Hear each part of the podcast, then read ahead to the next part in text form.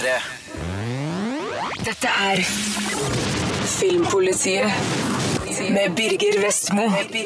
Endelig har vi fått en skikkelig norsk eventyrfilm med action og spenning. I dag anmeldes Gåten Ragnarok. Formel 1-fans og Arner kan glede seg over Ron Howards fantastiske film Rush, og Matthew McConaughey spiller hovedrollen i Mud, en solid oppvekstfilm med fin miljøskildring. Ja, så Filmpolitiet kommer til å være i det positive hjørnet i dag, i hvert fall når det gjelder de nye filmene, men vi skal også snakke om avslutninga på Breaking Bad. Vi diskuterer problemene med GTA Online, som ble åpna denne uka. Vi anmelder den nye HD-versjonen av Zelda-spillet Windwaker, og PlayStation 3-spillet Rain. Dagens første filmanmeldelse er klar, Gåten Ragnarok. Hva er det vi leter etter her egentlig? Sannsynligvis er det et skattekart. Vikingene de plyndra rundt hele Europa, sant? og så trengte de et sted å, gjemme alt sammen. Et sted som ingen andre kunne finne på å dra til. Jeg vil bare vite hemmeligheten din. Gåten Ragnarok bekrefter følelsen jeg har hatt lenge. Det lages altfor få eventyrfilmer med vikinger og norrøn mytologi. I sine beste stunder er det her et spennende eventyr med spektakulære bilder og fantastiske effekter. Historien er nok en smule generisk, og et par av figurene er kanskje i tynneste laget. Men gåten Ragnarok er for det meste god underholdning med høy kvalitet på flere fronter. Og viktigst av alt, den gir meg en god eventyrfølelse. Det dere må forstå, er at Oseberggraven er helt annerledes enn alt annet vi har funnet. Arkeologen Sigurd, spilt av Pål Sverre Hagen, tror Osebergskipet skjuler en hemmelighet. Når kollegaen Allan, spilt av Nicolai Kleve Broch, finner en runestein i Finnmark som ligner på et skattekart, tar Sigurd med seg ungene for å finne ut om vikingene virkelig har vært der, og hva de eventuelt har skjult der oppe. De følges av Allan, hans venninne Elisabeth, spilt av Sofia Helin, og en lokalt kjent mann, spilt av Bjørn Sundquist. Men i et bunnløst vann på den andre sida av russergrensa finner de noe som kanskje burde ha forblitt uoppdaga. Dette er ikke noe skattkammer. Nei, det er et gravkammer. Filmens trailer overlater lite til fantasien, så da kan også jeg like godt avsløre at filmens store oppdagelse tilhører dyreriket. Det er utrolig godt animert og lydlagt, og fremstår som deilig skremmende. Spenninga det her utløser er absolutt av godkjent merke, spesielt i en høythengende sekvens, i en scene der en konstruksjon dras mot vannet, og i en scene fra en russisk bunker. Det her er imponerende godt laga. Ragnarok. Du på eventyr? Originaliteten er ikke blendende. Parallellene til andre filmer er nemlig åpenbare. Her får vi litt Jurassic Park og Indiana Jones blanda med Anaconda og Lake Placid. Den blekner sjølsagt mot de to første eksemplene, men filmens bruk av velkjente spenningselementer og bildekomposisjoner gjør gåten Ragnarok til et spennende eventyr.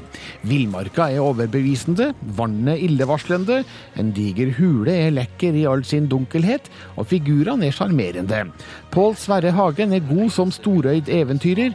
Sofia Helin tar med seg sin saga norenske tøffhet til en litt mer tilgjengelig figur, mens Maria Anette Tanderød Berglyd og Julian Podolsky er flinke som søsknene Ragnhild og Brage. Kleve Broch og Sundquist er utstyrt med de tynneste figurene på papiret, men gjør gode jobber med det de har å spille på. Det her er en fin gjeng å dra på tur med. Dette er din skyld. Vil bare finne ut av det, ikke sant? Jeg kunne ønska meg enda flere spenningssekvenser og et bedre lag med humor.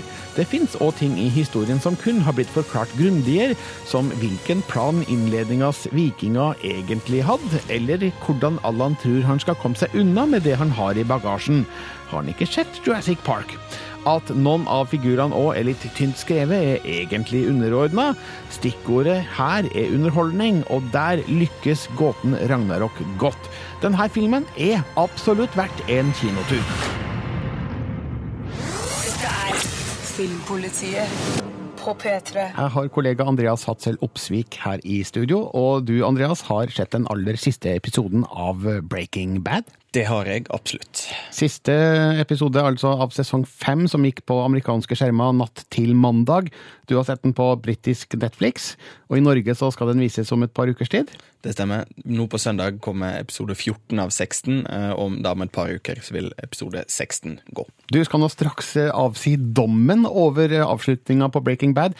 Helt uten spoilers. Ingenting skal avsløres. Vi skal være veldig forsiktige med det. Det blir vanskelig. Ja, hvis noen skulle være litt i villrede om hva Breaking Bad handler om, Andreas, et lite, kort resymé? Et kort resymé har vi eh, kjemilæreren Walter White, eh, som eh, finner ut at han har uopererbar lungekreft. Og finner ut at han må tjene opp en bråte med penger for å kunne ta At familien hans kan eh, kunne leve videre etterpå, eh, etter hans død, uten problemer. Og det han da finner ut er den eh, letteste, er vel å, kanskje å ta litt hardt i, men det er i hvert fall den greieste måten å gjøre det her på, er å bli verdens beste metamfetaminkokk. Speedkokk, eller kall hva du vil. Og gjennom fem sesonger så, ja, hva skal vi si, det utarter seg, eller det baller på seg, ganske kraftig. Det baller på seg. Han begynner jo som en ekstremt sympatisk figur. Egentlig en veldig stille og forsiktig mann, og, og Breaking Bad er jo nettopp da eh, et, et begrep for å, å, gå til den mørke sida og bli eh, noen du nødvendigvis ikke var til å begynne med. Og det, det, er jo nettopp det spørsmålet som er så sentralt da i serien, at eh, Um, vi har et monster på en måte inni oss alle sammen, men uh, vi, vil, vi, vil, jo ikke bli kriminelle. Vi kunne sikkert ha kommet unna med det perfekte mordet, men vi vil jo ikke det. Eller vil vi egentlig det? Akkurat. Men uten, igjen, uten å avsløre noe, Andreas, hvordan syns du uh, serien avrundes? Jeg syns at serien avrundes på Det er en av de en av de beste serieavslutningene på et par år, vil jeg faktisk si. Den eh, har klart å finne et punkt der den slutter perfekt. De kunne ha gjort som Dexter, for eksempel, er jo et fint eksempel, som nylig hadde eh, sin serieavslutning. eh, på siste sesong, uh, da, om seriemorderen uh, Dexter. Og har fått mye kritikk, for det første fordi den har holdt på i hvert fall i to sesonger for masse, og for det andre fordi den avsluttes på en litt sånn rar måte som egentlig ikke er løs eller forklarer noen. Den snurper ikke opp løse tråder, og, og det har egentlig vært veldig mye kritisk eh, retta mot akkurat den avslutninga, mens avslutninga på Breaking Bad har i verste fall fått et sånt ja ja, det er jo egentlig litt kjipt at det er over. Det er på en måte det mest eh, Det er det, det, det, styggeste noen har klart å si om det. Men det, den klarer nettopp det her da, å, å, å plukke sammen løse tråder som har vært gjennom serien, og, og slutte av alt som den bør slutte av, men samtidig la litt være igjen da til eh, seeren. Nå skal du publisere en eh, anmeldelse på nett på p3.no slash filmpolitiet senere i dag. Eh, og den kommer til å være proppfull av spoilers. Ja, jeg, klarer ikke å holde meg lenger. Jeg bare må uh, ut med, med, diverse spoilers etter hvert, men da kun i tekstform. Ja, og da vil det stå selvfølgelig en sterk advarsel før man klikker absolutt, seg inn på den saken, så man ikke får avslørt noe man ikke vil lese. Fordi det er da enda et par episoder igjen som skal vises på um, Max her i Norge.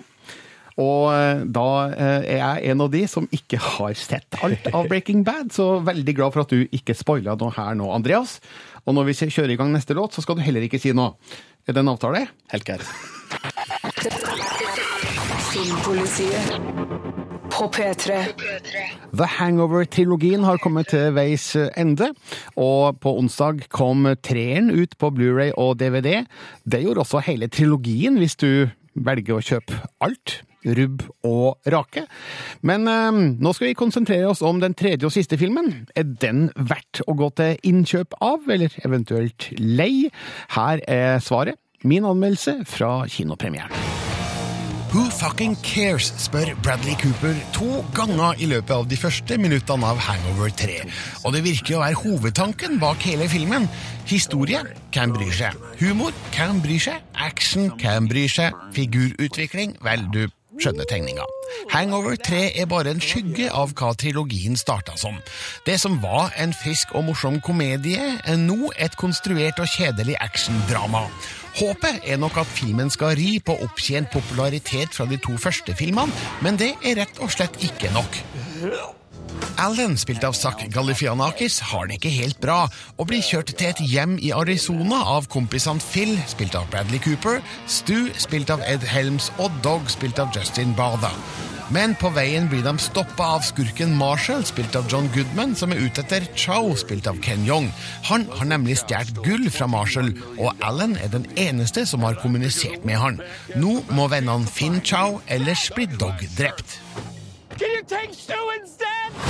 Historien kunne vært skrevet på en serviett i en bar, noe som faktisk ikke virker usannsynlig. Men det er ikke tynn historie jeg reagerer på, det er fraværet av humor. Det virker ikke som de forsøker engang. Det er nesten så jeg mistenker regissør Todd Phillips for å tenke at de her figurene var så morsomme i de to foregående filmene at det er nok at de dukker opp. Det er det ikke. Det er riktignok sekvenser i filmen som er genuint morsomme, spesielt etter første del av rulleteksten, så helt kølsvart er det ikke, men det er altfor langt mellom høydepunktene til at lattermusklene får kjørt seg. Hey, Phil, kick yourself out a little bit. Alan. Det jeg særlig savner i filmen, er den første filmens drag av menneskelighet. Der hadde de fleste figurene en forankring i en gjenkjennbar virkelighet, mens her fremstår de som karikaturer av seg sjøl. Bradley Cooper ser ut som han helst vil bli ferdig, Ed Helms trenger et bedre manus å spille med for å fungere, og Zack Galifianakis spiller Alan med sliten innlevelse.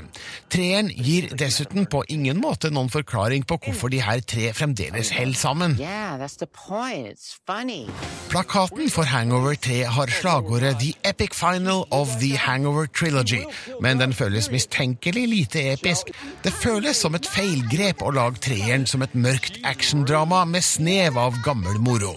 Den kommer sjølsagt til å tjene mye penger, men fortjener det ikke. Det her er venstrehåndsarbeid fra folk som kan bedre. De gidder bare ikke. For du vet, who fucking cares?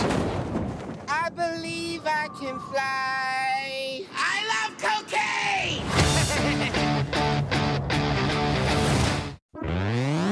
Dette er Filmpolitiet med Birger Vestmo.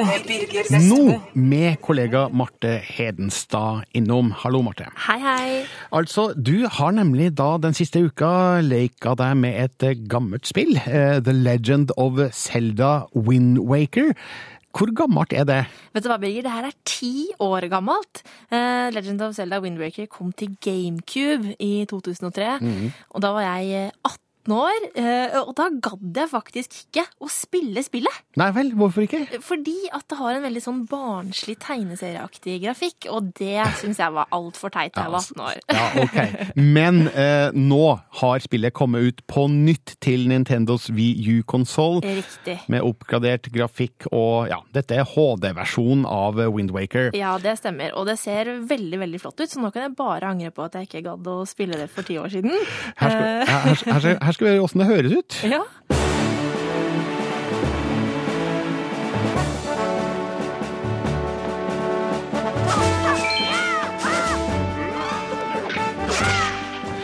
Ganske sånn umiskjennelig nintendosk, det her. Veldig, og også veldig trivelig og koselig. Og det er jo ikke noe rart at eh, Nintendo velger å bruke en såpass gammel merkevare som Zelda til å nå prøve å selge inn sin Nintendo Wii U-konsoll. For det er jo ingen eh, Altså det er jo en kjent sak at eh, den selger jo ikke sånn kjempebra, eh, og derfor vil de da bruke denne gamle merkevaren eh, for det. Eh, Og det tror jeg kan være ganske lurt for Nintendo, fordi at eh, Legend of Zelda Wind Waker HD, som de har valgt å kalle det nå, er et kjempeflott spill. Det er et sånt herlig eh, Zelda-eventyr som tar deg med på dungeons og utforskning. Eh, Du må slåss mot fiender og løse puzzles, og det er rett og slett en kjempefin opplevelse. Men da det her spillet kom på GameCube for ti år siden, så var det jo på én skjerm. Nå må Ja. du bruke to, fordi Wii U-konsollen kommer jo med en ekstra skjerm på kontrolleren. Ja. Hvordan har man løst det? Jeg syns Nintendo har løst det veldig fint. Eh, Gamepaden er eh, inkorporert på en veldig grei måte, og det er nemlig det at du bruker den til å få kartet ditt på, og også til å komme nedi den bagen du alltid har med deg. For i Zelda-spillene så er det sånn at det er veldig mye du må nedi den bagen for. Det er veldig mange items du må bruke hele tida, og bytte ut underveis, og da er det veldig kjekt at du kan gjøre det på gamepaden uten at du må liksom sette spillet ditt på pause og gå inn i en meny hele tiden. Så det er veldig kjekt. Og også det at du kan ha f.eks. skattekartet ditt oppe mens du beveger deg rundt eh, i spilleverdenen, altså at du slipper å gå inn og ut av eh, kartet. Så det fungerer veldig greit. Ja, Så det føles ikke gammeldags det her, altså? Å Nei, det gjør ikke det, altså. Det, det har holdt seg veldig godt, og det tror jeg faktisk er litt på grunn av den tegneseriegrafikken. For eh, den eh, var sånn som den var for ti år siden, kunne liksom like gjerne vært laget til eh, Nintendo Wii U i dag. Så sånn sett så ser det fortsatt eh, nytt ut. Marte, du har anmeldt eh, The Legend of Zelda Wind Waker til terningkast fem på våre nettsider, som er da p3.no skråstrek filmpolitiet. Filmpolitiet med Birger Vestmo. P3. More powerful than even the fear of death itself is the will to win. Which is why I'm here begging. You really think you can beat him? Trust me. Jeg elska Formel 1 da jeg var liten gutt. Jeg husker at James Hunt og Nikki Lauda i en periode var to av de største stjernene. Regissør Ron Howard har laga en film om dem som er like spennende og fartsfylt som sporten de utøvde. Men jeg tror ikke du trenger å være interessert i Formel 1 for å ha utbytte av filmen. Det er et godt drama om tvekampen mellom to radikalt forskjellige individer med totalt ulik tilnærming til både racing og livet ellers. It's Nicky Lauda. He's just been signed by Ferrari. Filmen skildrer hvordan de møtes i Formel 3-løp på starten av 1970-tallet, og hvordan de allerede der etablerer konkurransen mellom hverandre, ikke basert på hat eller fiendtlighet, men på respekt og ønske om å være den raskeste. Begge jobber seg opp til Formel 1 i 1975. Det kulminerer året etter med det som regnes som en av tidenes mest spennende og dramatiske Formel 1-sesonger. Her får vi det skildra fra innsida. Det er egentlig utrolig at en amerikansk regissør har laga en storfilm om to europeiske racerførere i en hovedsakelig europeisk sport. Ron Howard er en utrolig god historieforteller, og gjør det her til en interessant duell mellom to forskjellige mennesketyper, fortalt med en herlig tidskoloritt som likevel ikke tipper over i nostalgia. Fans av Formel 1 vil òg kunne sette pris på en historisk korrekt gjengivelse av hvordan bilene så ut midt på 1970-tallet, komplett med Ferraris røde monstermaskiner, Tyrells spesielle sekshjulinger og de svarte John Player Special-bilene. Navn som Schecter, Fittipaldi, Andretti og Petterson er òg med. Det eneste som egentlig mangler, er Jon Hervik Karlsen som norsk kommentator. I had a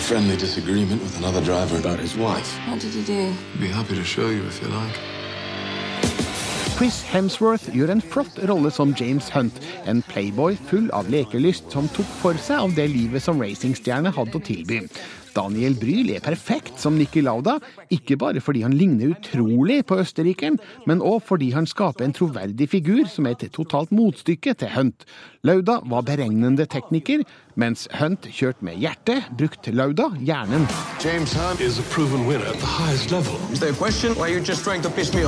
Som seg hør og bør er Rush full av susende Formel 1-sekvenser med høy fart og spektakulære krasj.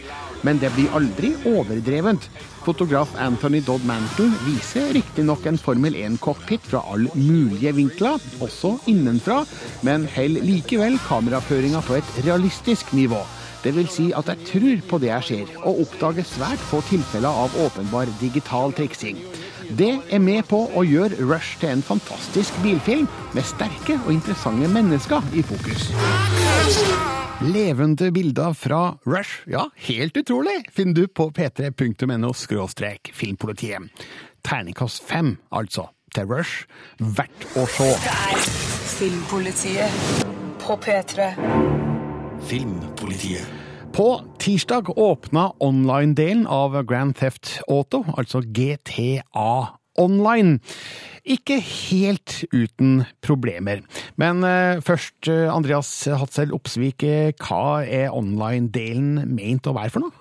Det er meint å være litt, forskjellige ting, egentlig. På den ene sida så kan du leke deg da rundt i den her store byen med opptil 15 andre personer. På den andre sida så kan du òg gå i samarbeid med, med andre. Øh, venner av deg, om så skal være, om å gjøre ulike jobber, da. Eller eh, brekk, ran, heists. Det kommer litt an på hvordan du vil definere. La oss høre litt hva traileren til GTA Online eh, lover. With Grand Theft Auto Online, Rockstar Games is looking to bring the heart of the Grand Theft Auto experience to a living online world with multiple players. Just what you choose to do in that world is up to you. Grand Theft Auto Online brings the freedom of the Grand Theft Auto experience to multiple players in a dynamic shared world. Ja, Fine ord her fra Rockstar Games. Rune Haakonsen, eh, dette er altså ikke et eget fysisk spill, det er en del av GTA 5? Det er en utvidelse av eh, GTA 5, altså rett og slett flerspillerdelen, hvor du da kan utforske byen på dine egne premisser med din egen figur, eh, og da satt til tiden før selve historien i GTA 5. Og, Mm. og jeg lo, jeg forsøkte å le så sarkastisk jeg kunne akkurat nå under, under, denne lille lydkli- under dette lydklippet, for det lover jo så veldig mye fint. Men det funker jo ikke! Ai, ai, ai. Og, og, og det er fryktelig irriterende. Så siden tirsdag så har jeg hver eneste kveld Jeg må bare understreke at jeg bruker da PlayStation 3 som min konsoll. Jeg vet at Xbox-brukere har hatt det litt bedre, men jeg har prøvd hver eneste kveld å komme meg inn og logge på og spille med mine venner på PlayStation, og det har ikke funka i det hele tatt. Hva har vært problemet, Andreas? Problemet er jo rett og slett uh, egentlig det er alt bunnet ut i at det har vært altfor mange folk for da serverkapasiteten som Rockstar har satt opp, og i tillegg da ekstra problemer med, med PlayStation sin PlayStation Network-tjeneste. Men, men her må jeg også igjen bare få lufte frustrasjonen min, for eh, Rockstar har jo da i tillegg visst hvor mange som har kjøpt spillet. Det har jo slått alle salgsrekorder når det kom 17.9. De har hatt god tid, altså et par uker, to uker til og med da, på å forberede seg på det massive innrykket av online-klare spillere. Men fortsatt ikke klart det, og det er ikke bare dumt og trist for spillet, øh, spillet i seg sjøl, men det er provoserende for oss som forbrukere. Men det her er jo ikke første gang det skjer. Altså, det er jo flere store spill som har hatt eh, kjempetrøbbel med sine online-funksjoner, f.eks. Diablo 3 og, Og SimCity. Sim ja. ja. Hvorfor er det ingen som tilsynelatende greier det her? Du, vet du hva? Det, det forundrer meg. Og, og, og tilbake til det at Rockstar i tillegg har hatt en, en ganske god periode til å forberede seg ekstra, gjør det enda mer unødvendig. Så jeg føler at uh, de kanskje undervurderer hvor mange som ønsker å spille online, rett og slett. Som Andreas sa, altså, det kommer jo horder. Jeg har ikke fått bekrefta det, men det var noen millioner som forsøkte å logge seg på den første timen aleine uh, på tirsdagen når det kom, og, og det gir jo et inntrykk av at det her er veldig populært. Men det tror jeg at Rockstar visste på forhånd, og det burde de ha forberedt seg på. Andreas, er det håp i sikte om at GTA Online skal funke tilfredsstillende? Selvsagt er det det. Til slutt så vil det være folk som har gått lei av, som Rune sier, å sitte hver kveld og prøve å komme seg innpå. Men det er jo litt trist at det er grunnen til at det skal bli mulig å spille, fordi folk har gått lei av å spille det. Og det som er litt interessant, er at eh, når amerikanere blir sure på ting som ikke funker, så kjører de i gang søksmål, og det er jaggu på gang også i dette Oi, tilfellet. oi, Rockstar, see you in court. OK, meldinga fra Filmpolitiet til Rockstar, god bedring. Og her skal jeg anmelde en ny premierefilm på kino. Ma'am, have you seen this man? No, sir. Son, have you? En ung gutt, en familie i oppbrudd og en drapsmann på rømmen. Det er utgangspunktet for Mud, en fin og stilsikker film om et uventa vennskap i et mindre bemidla miljø i Arkansas. Regissør og manusforfatter Jeff Nichols gjør filmen til en coming of age-historie, med paralleller til både A Perfect World, Stand By Me og Beast of the Southern Wild. Den er ikke like god som noen av dem, men er et velment og veldreid drama med gode skuespillerprestasjoner. Galen said it's been here a while. He thinks the last flood did it. 14 år gamle Ellis, spilt av Ty Sheridan, og kameraten Neckbone, spilt av Jacob Loffland, har hørt om en båt som er plassert i et tre etter en flom, og drar for å finne den. Men båten er bebodd av Mudd, spilt av Matthew McConaughey, som har dusørjegere i hælene etter et drap. Guttene bestemmer seg for å hjelpe han å unnslippe, og opprette forbindelse med hans store kjærlighet, Juniper, spilt av Reece Witherspoon. You never said your name. Mud. Det er et litt merkelig vennskap som oppstår mellom Mudd og guttene, men vi forstår hvorfor spesielt Ellis ønsker å hjelpe. Han opplever oppbrudd i tilværelsen, der mor og far skal separeres, og husbåten de bor i skal kanskje fjernes av myndighetene. Kanskje er det derfor Ellis så gjerne vil hjelpe Mudd, slik at i hvert fall noe blir riktig. Det er det her vennskapet med en kar på rømmen som minner meg om A Perfect World. You boys need to watch yourself. What Mud's into Filmen har en særegen stemning med sin spesielle miljøskildring av fastboende båtfolk på ei elv i Arkansas. Det gamle livet krasjer med det moderne samfunn og står i fare for å utryddes, noe som får tankene over på Beasts of the Southern Wild. Og guttenes pakt om å fullføre et sommerlig oppdrag de strengt tatt er for unge til å utføre, bringer minner om Stand by me. Det er ikke de verste filmene å ligne på, sjøl om Mudd ikke når helt de samme emosjonelle høyder. Dangerous. Sounds like a state troopers think different. Ellis virker litt for gammel til å være så naiv som han er i perioder av filmen, og Mudd spilles litt for hyggelig av McConaughey til at jeg helt tror på at han virkelig vil dra guttene inn i sin farlige plan. Men historien er sympatisk, skuespillerne gode, og regien er stø. Den har òg en sterk finale, med bl.a. Sam Shepherd i en sentral rolle. Dermed blir det her mer enn nok severdig. It's a hell of a thing, ain't it? Thing. Dette er Filmpolitiet på P3. Kollega Andreas Hatzel Opsvik er her igjen, og du har testa Rain, et spill for PlayStation 3. Det har jeg. Et uh, lite, søtt, veldig stemningsfylt spill, i hvert fall. Det er kjapp oppsummering. Ja, fordi nå i bakgrunnen her nå, så får vi litt uh, musikk og lydeffekter fra Rain. Debussys Claire de Lune som eh, setter an tonen, og er det her et sånt et rolig spill? Det er, om, om ikke rolig, så er det i hvert fall uh, lagt veldig mye stemning inn i det. Det, det er en, en ganske enkel grunntanke. Du er en usynlig gutt som er på jakt etter en usynlig jente, som uh, da begge to utelukkende vises hvis de går i regnet. Aha. Aha. Uh, og i denne byen, en litt sånn Paris-aktig uh, litt, sånn, litt som Ghibli-filmene, at du har en sånn by som, som har karakter, men du ikke helt skjønner hvor den er fra. Du skjønner hva jeg mener? Ja. At det er sånn eh, en, en, sånn den type by, så går du der rundt, eh, men det er selvsagt monster på jakt etter deg. Ok, du, Det høres ufattelig kult ut, egentlig, men er det det? Det er det som er problemet. Det er, altså, det er veldig enkelt, som sagt. For å ikke bli sett av monster, må du eh, komme deg under tak på et eller annet måte, eller i hvert fall være unna regnet. Og veldig grunnleggende enkelt system, og, og du er på én sti, en ufravikelig sti som er umulig å komme seg vekk fra. Eh, og det er litt av der problemet ligger, at du egentlig ikke har noe som helst slags frihet. Er, det er et spill der du der, um, Du er på den veien som spillagerne har ordna for deg, og det er det eneste du kan gjøre. Ja, Veldig lineært, altså. Det er ikke bare du som har spilt altfor mye GTA 5. Ja, nei, det er jo det jeg Jeg, har, jeg nevnte det i anmeldelsen min òg, at eh, jeg er nok kanskje litt, eh, litt skada, miljøskada for tida på akkurat det, eh, men det, det, blir, det blir egentlig like mye en film du må gå igjennom uten noen valgmuligheter. For hvis du dør, så går du et minutt tilbake i historien, og så begynner du på nytt.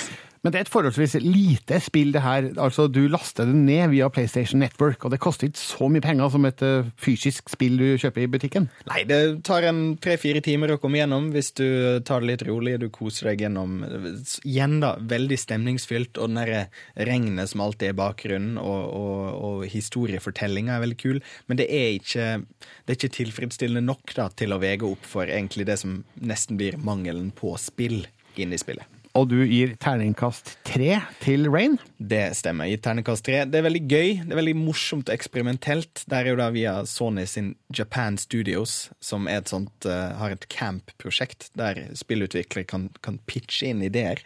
Og så får de litt penger og litt tid, og så kan de lage noe kult. Og det, det har ført til kule ting, som Puppeteer, som jeg anmeldte tidligere uh, i år. Uh, men akkurat denne gangen så syns jeg kanskje at det var for lite spill i spillet. Uh, og veldig kul historie, men det er ikke nok. Takk, Andreas Hadsøl Opsvik. Hele anmeldelsen kan leses på p3.no filmpolitiet. Filmpolitiet på P3. Denne uka kom Epic, Skogens hemmelige rike, ut på Blu-ray og DVD. På Blu-ray kan du velge mellom en 3D-versjon, som også har 2D-versjon i seg, og en som kun har 2D-versjon av filmen. Og dette er en film som jeg tror vil passe store deler av familien, men er den bra? Her er min anmeldelse av Epic fra da den hadde premiere på kino. My dad always told me stories about a hidden world where brave warriors watch over and protect us. Isn't that cool? Just because you haven't seen something doesn't mean it's not there. Jeg tror Epic har fått feil tittel. Denne filmen bør egentlig hete Copy. Dette er nemlig en pytt i pannefilm der alle ingredienser er henta fra andre filmer. Du har mikrovesener i naturen, en sterk tøffing, en søt kjekkas, to morsomme sidekicks, den største helten er sjølsagt ei jente, og det ligger et miljøbudskap i bunnen. Epic er helt grei underholdning for barn, men er fri for nytenkning og originalitet. Det er så åpenbart at filmen er konstruert via analyser av hva som har fungert før. Her er ikke én eneste sjanse tatt. Who are you people?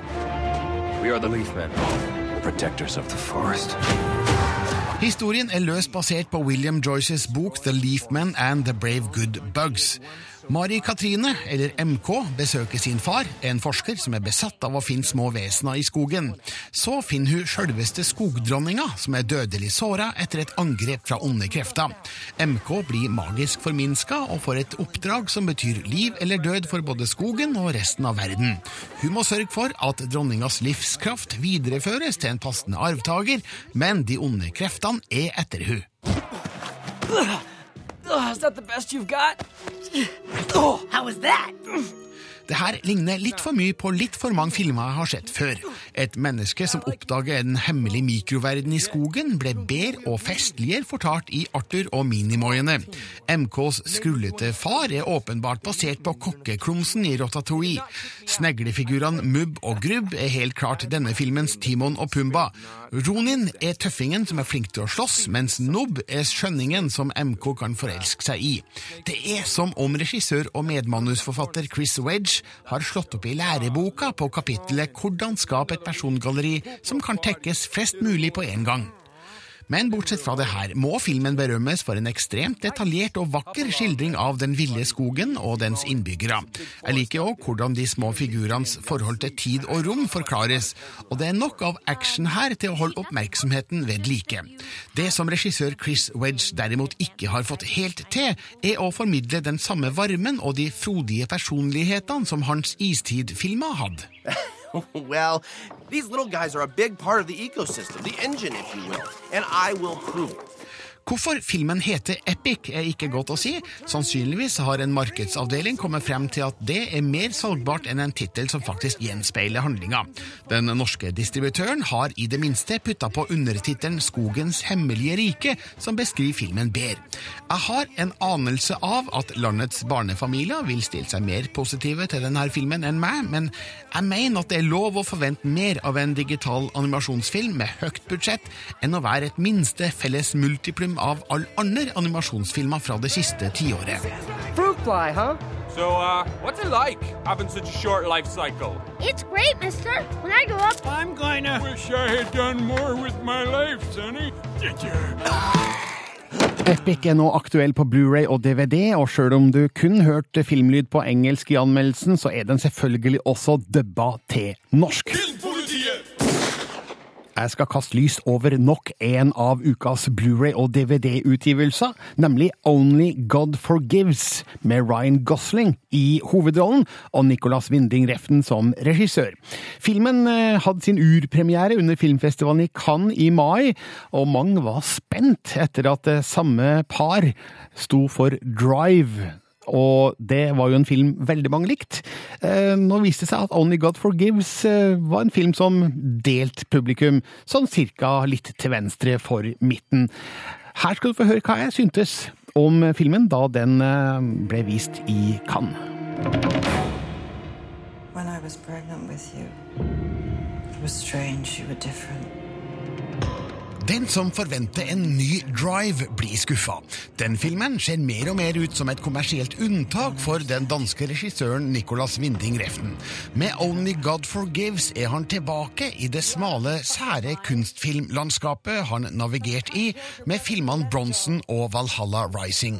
Det handler ikke om spesifikk historiefortelling, mer om stemninga og voldsestetikk. Filmen er ekstremt vakker, samtidig som den er ekstremt stygg. Og den gjør det ikke lett å være publikum, både fordi non-vold-scena er ekstremt stygge, og fordi historien ikke følger et vanlig narrativ.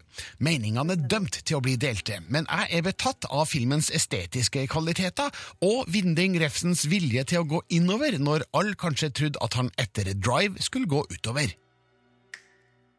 Jeg skjønner nå hvorfor regissøren ikke ville diskutere historien forut for premieren. Det er rett og slett ikke så mye å diskutere. Julian, spilt av Ryan Gosling, er narkosmugler i Bangkok som blir satt under press av sin iskalde mor, spilt av Kristin Scott Thomas, for å hevne brorens død. Julian kvier seg, men blir tvunget inn i voldsspiralen. Det er som Vinding Reften sier, budskapet handler om at handlinga får konsekvenser. Tid ute i filmen skjønner man hvor veien går, nemlig langt utafor allfarvei. Sekvensene males ut i sakte tempo, avbrutt av korte og intense voldseksplosjoner. Fotograf Larry Smith har lysatt filmen for å fremheve Østens sterke fargekontraster, gjerne bada i neonlys.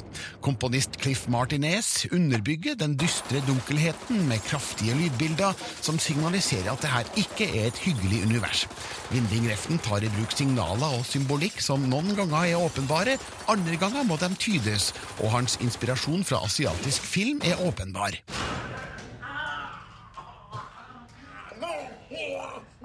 Ryan Gosling tar en sjanse med denne filmen. Den er på ingen måte med på å bygge hans stjernestatus, men det viser at han er modig. Han spiller beherska og kontrollert, han sier nesten ikke et ord og ler nesten ikke på et øyenbryn. Her er metoden åpenbart less is more, mindre er mer. Men den store åpenbaringa i filmen er Kristin Scott Thomas som den skarpe og uforsonlige mora. Hun fremstår som svært farlig, lite moderlig og avleverer bitende dialog med skummel troverdighet. Det ligger òg en Ødipus-tematikk i filmen som når en sjokkerende konklusjon, der symbolikken er overtydelig. Only God Forgives er altså et ballespark til alle som forventer Drive 2. Det er ikke en slik film. I stedet slutter den med en dedisering til den chilenske filmskaperen Alejandro Jodorowsky, kjent for merkelige surrealistiske filmer med sjokkerende innhold. Og man skjønner hva Vinding Reften prøver på. Han får kanskje ikke flere tilhengere etter det her, men dem han har fra før, må nå på kino for å oppleve hans siste kunstverk, og etterpå diskutere hva alt betyr. Hvis det betyr noe. Dette er Filmpolitiet på P3. Og om du ikke fikk sett Only God Forgives på kino, har du nå en ny sjanse, for den kom ut på Blu-ray og DVD i forgårs. Anmeldelse finner du også på p3.no filmpolitiet. Dette er Filmpolitiet med Birger Vestmo. Hør flere podkaster på nrk.no podkast. P3.